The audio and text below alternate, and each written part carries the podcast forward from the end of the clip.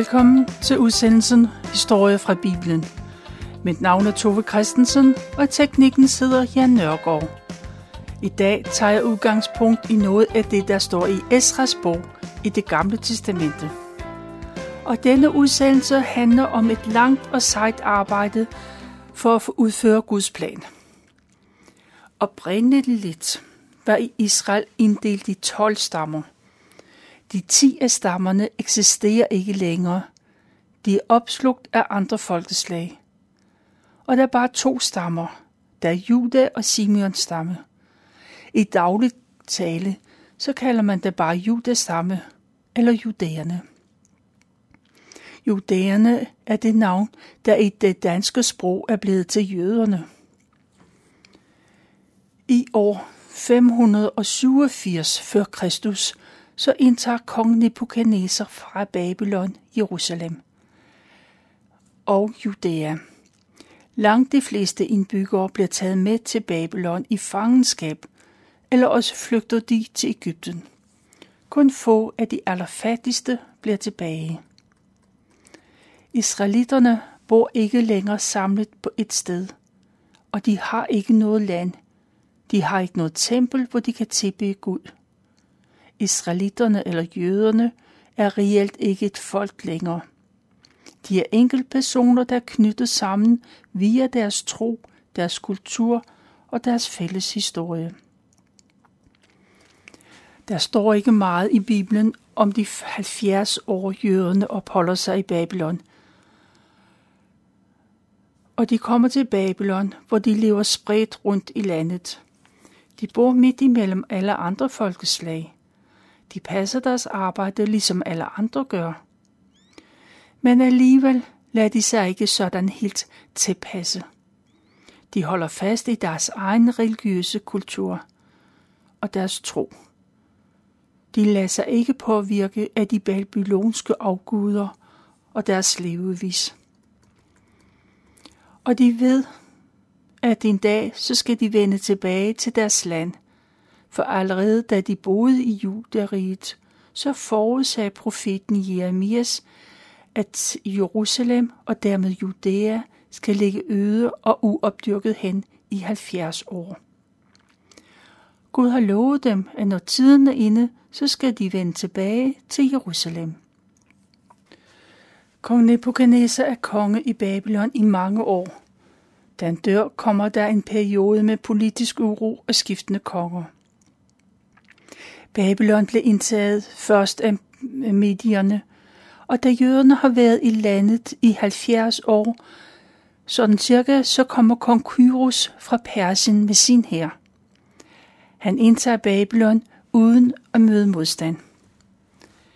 Kyros han udråber sig selv til konge af Babylonien, og dermed er, der op, øh, er det storslåede og stolte Babylon blevet til en provins i Perseriet. Kyros, eller Kyros den Store, vil gerne gøre et godt indtryk på Babylon, eller dem indbyggerne der. Han er ivrig efter, at folk skal kunne lide ham.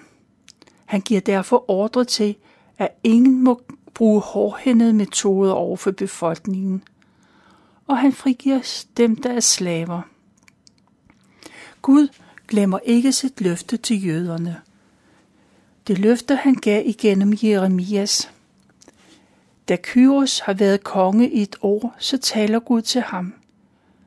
Og Gud giver Kyros den tanke, at det er en god idé, hvis Judariet og Jerusalem igen bliver hjemsted for det folk, der engang boede i landet, for jøderne.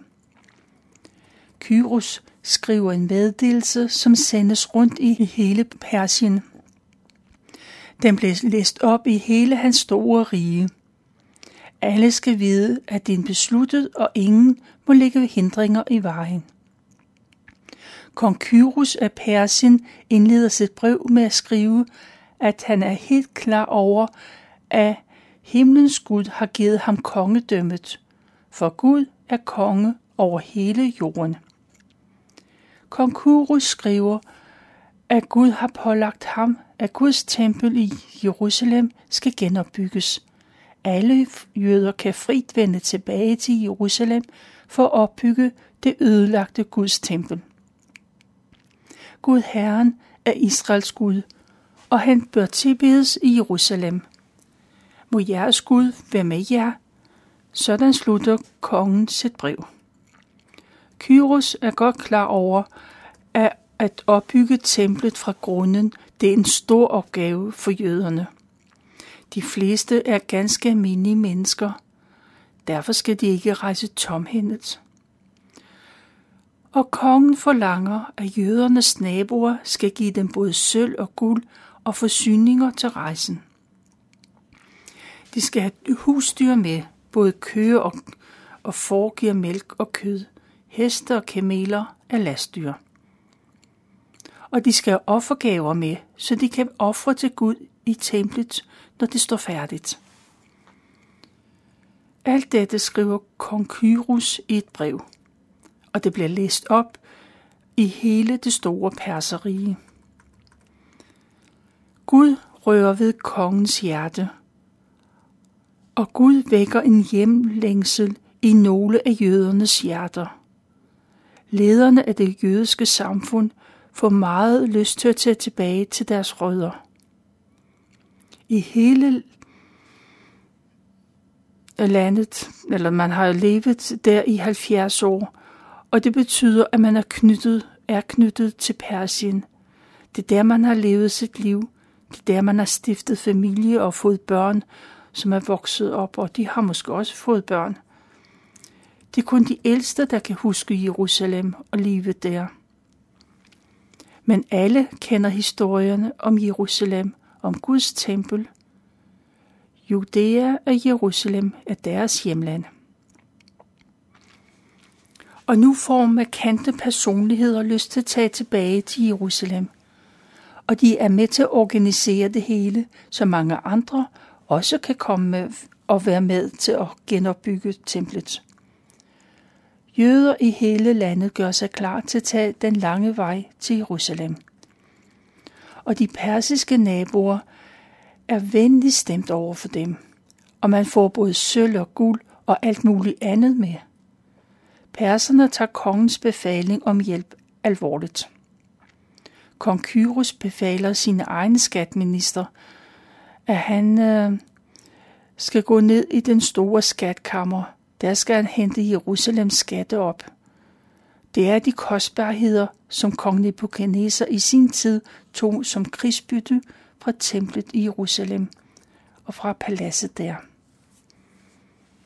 I skatkammeret er der 3 tons guld, 22 tons sølv, og foruden er der guld og sølvskatte, kunsthåndværk, der er flere århundreder gammelt. Alt er lavet af de dygtigste kunstnere. Alt det skal tilbage til Jerusalem, hvor det kom fra. Efterhånden er der mange jøder, der har samlet sig ved Eufrat-floden uden for Babylon. Alle, der vil til Jerusalem, de slår lejre ved flodens bred. Til sidst er der ca. 50.000 mænd og deres koner og børn og de har heste, kameler og æsler, som de har fået af de persiske naboer. Men det, der er kun samlet en lille del af de jøder, der nu bor i Persien. Det er kun fåtallet, der har besluttet sig for at tage tilbage til deres forfædres hjemland. De fleste ønsker at blive i de kendte omgivelser. De vælger sikkerheden i, de, i det, de kender, frem for en ukendt fremtid. Esra er en af de jødiske ledere, der glæder sig til at komme til Jerusalem. Han er en klog mand, og han er godt kendt med Guds lov. Han er en mand, man får brug for, når templet skal genopbygges. Og Esra holder mandtal. Han skriver navne på alle dem, der tager sted. Men lige pludselig så går det op for ham, at der ikke er nogen levitter, der har meldt sig og som den skriftlærte mand han er, så ved Esra, at templet ikke kan fungere uden levitter. Det er dem, der kommer fra Levis stamme, og som Gud har udvalgt til at være tempeltjenere. Esra er klar over, at hvis der ingen tempeltjener er, så kan man ikke udføre ofringer på den måde, som Gud har bestemt, at det skal være. Levitterne kan ikke undværes i templet. Og så rundsender Esra en forespørgsel. Han opfordrer alle levitter til at tage med til Jerusalem. Der er brug for deres hjælp. Og Gud hører Esras bøn. Der melder sig en hel del levitter nu for at tage med til Jerusalem. Og der melder sig også flere, som vil hjælpe dem. Kong Kyros, han stiller soldater til rådighed. De skal beskytte dem på rejsen. Men jøderne takker nej. De er sikre på, at deres Gud vil være med dem. Det er sikkerhed nok. I opsamlingslejren uden for Babylon, der begynder man at faste og bede.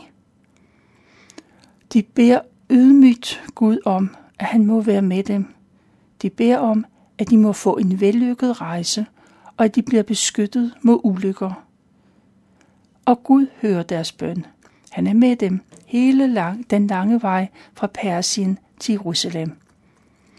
Det er en tur på cirka 1000 km. Efter de første dage, så får man en vis rutine. Hver morgen pakker man teltet sammen og samler dyrene sammen. Børnene kommer løbende, og man er klar til afgang.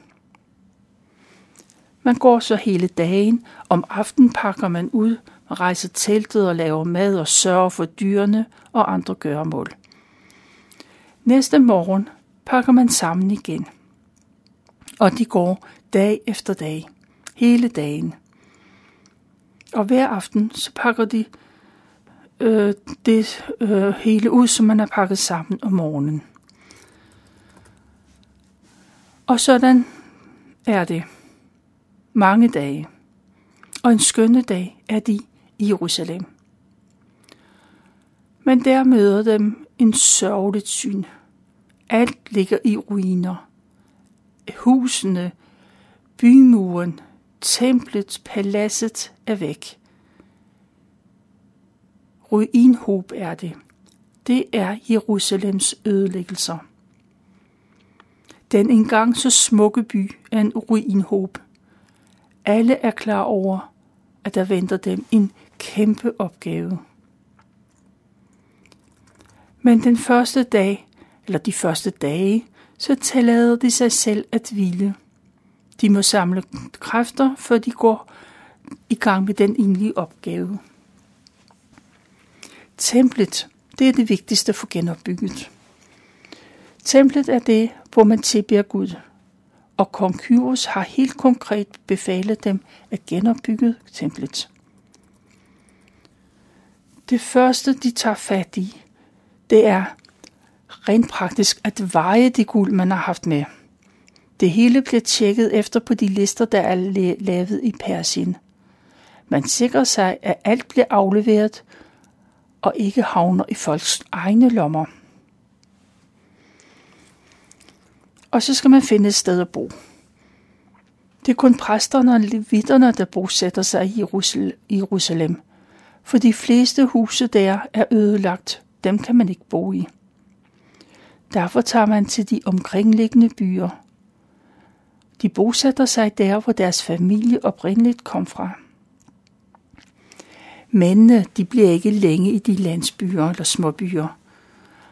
Når de har fået installeret deres familier, så tager de tilbage til Jerusalem. De skal være med til at opbygge templet. Og man bliver klar over, at det faktisk er en farligt projekt, de skal i gang med. For dem, der har bosat sig i Jerusalems ruiner, er ikke glade for de mange tilrejsende jøder. Og jøderne er bange for deres reaktion. Men det får dem ikke til at stoppe. De går i gang. Zerubabel og hans slægt er de første, der er klar til at arbejde. De begynder med at genopbygge brandofferalteret. Og de får vejledning i, hvordan det skal se ud af præsten Josva. Da alteret er færdigt, kan man ofre til Gud efter de forskrifter, Moses har givet dem. At ofre et dyr er et symbol på, at man ved, at man er en synder og ønsker Guds tilgivelse. Der går ikke lang tid, før lederne bliver opmærksomme på et problem. Og de henvender sig til præsten Estra for at få hjælp. For de hjemvendte jøder, de begynder at gifte sig med folk, der bor i landet, de hedenske folk. Også præsterne og levitterne gifter sig med kananæiske, egyptiske, hittitiske eller ammonitiske kvinder. Eller også lader de deres sønner gifte sig med dem. Det er stik imod Guds bud. Gud har ofte advaret jøderne imod blandede ægteskaber. Da Esra hører om det, blev han fortvivlet. Det var ikke derfor, de tog til Jerusalem. Og han knæler ned ved aldret og beder til Gud. Og han er skamfuld over sine landmænds, landsmænds handlinger. Imens Esra beder til Gud, så samler folk sig omkring ham. Mænd, kvinder og børn græder og sørger sammen med Esra. De sørger over folks sønder. Det går op for folk, hvad de har gjort. De erkender deres synd og beder om tilgivelse. De lover, at i fremtiden vil de holde sig til Guds lov. Gud tilgiver dem, men deres handlinger får konsekvenser. De jødiske mænd må skille sig fra deres ikke-jødiske hustruer. Og det er en ulykkelig situation for alle ikke mindst for kvinderne og deres børn. De er uskyldige ofre i denne sag. Som sagt er alteret genopbygget, men der er lang vej, før templet er færdigt. Før de rejste til Persien eller fra Persien, gav kong Kyros dem en fuldmagt, så de kunne ansætte stenhuggere og tømrere.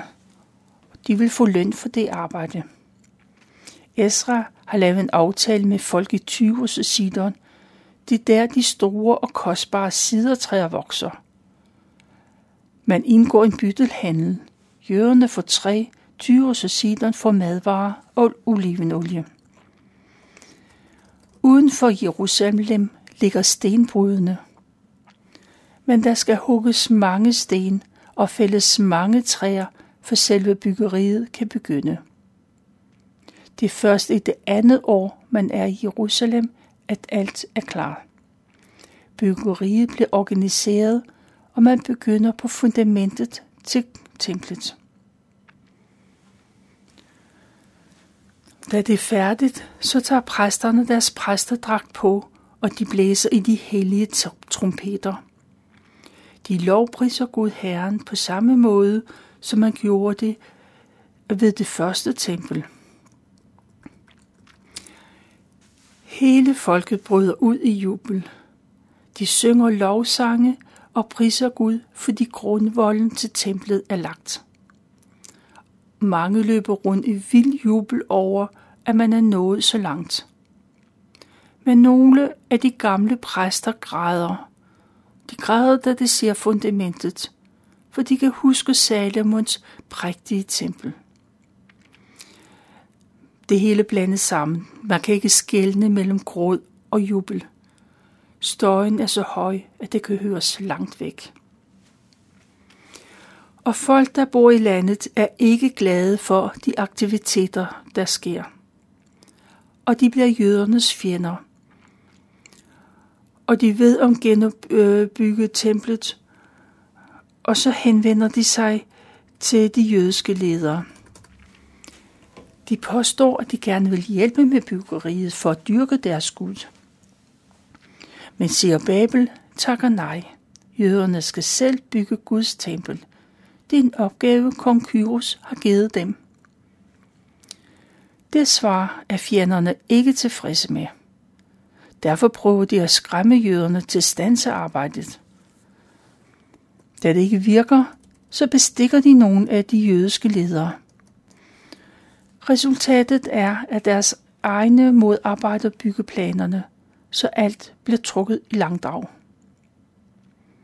Og så begynder der en brevveksling mellem Jerusalem og skiftende konger i Persien. Og der går flere år, inden man bliver enige. Det trækker ud, blandt andet fordi det tager så lang tid for breve at komme frem og tilbage i det store, store land. Og så prøver jeg at gengive brevenes indhold, selvom jeg ikke er helt sikker på rækkefølgen, men jeg forsøger. Først så skriver jødernes fjender til Persiens konge. De gør kongen opmærksom på, at jøderne er ved at genopbygge Jerusalem. Og det er nogle onde og oprørske folk, der er flyttet til Jerusalem. Allerede dengang de boede i landet, gjorde de oprør. Og dengang så betalte de ikke skat, som de skulle gøre, og som de selv gjorde. Hvis kongen ikke ønsker at miste det land, der ligger øst for Eufratfloden, så må han sætte en stopper for disse jøder. Og den perske, persiske konge kender ikke noget til kong Kyros' aftale. Men han undersøger sagen, og kongen melder tilbage, at det er rigtigt nok. Jøderne har gjort oprør imod konger. Persiens konge befaler dem derfor at få sat stopper for opbygningen af byen. Og da jøderne hører det, så føler de sig tvunget til stanse arbejdet. Men profeterne Haggai og Zacharias kommer med bud fra Gud. De må ikke stoppe arbejdet. Guds tempel skal bygges færdigt. Og byggelederne Sirubabel og Josva de følger opfordringen fra Guds profeter. Arbejdet fortsætter på trods af kongens forbud. Men det var ikke længe, før guvernøren for området øst for Øfratfloden så kommer til Jerusalem.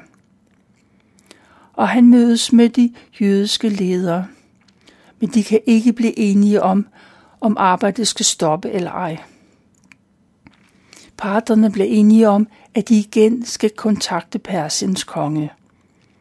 Sammen skriver de et brev, hvor de fortæller, at kong Kyros har givet jøderne lov til at genopbygge Jerusalem og templet. Og når brevet endelig når frem, så undersøger Persiens konge sagen grundigt, og han går i arkiverne. Der finder han en skriftrulle, der fortæller, om kong Kyros' aftale med jøderne. Og det gør, afgør sagen.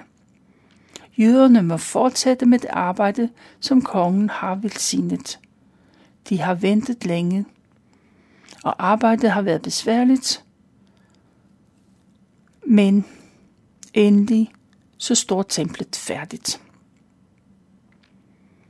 Det er en stor dag for alle, da templet bliver indviet. Det lyder som en stor jubel fra præsterne, fra levitterne og fra alle dem, der vendte tilbage fra eksilet. For første gang kan de fejre påske i det genopbyggede tempel, og det er noget ganske særligt. Man er igen samlet i Jerusalem. Påskehøjtiden bliver fejret sammen med de jøder, der hele tiden har boet i landet og som nu har vendt sig til Gud. Sammen fejrer de de usyrede brøds fest, som påsken også bliver kaldt. Det er en fest, der varer i syv dage. Templet er færdigbygget, og der har været stort arbejde og taget lang tid. Men det er jo kun templet, der er færdig. Byen ligger stadigvæk i ruiner. Den skal også sættes i stand. Det er, hvad jeg har valgt at fortælle fra Esras bro i det gamle testamente.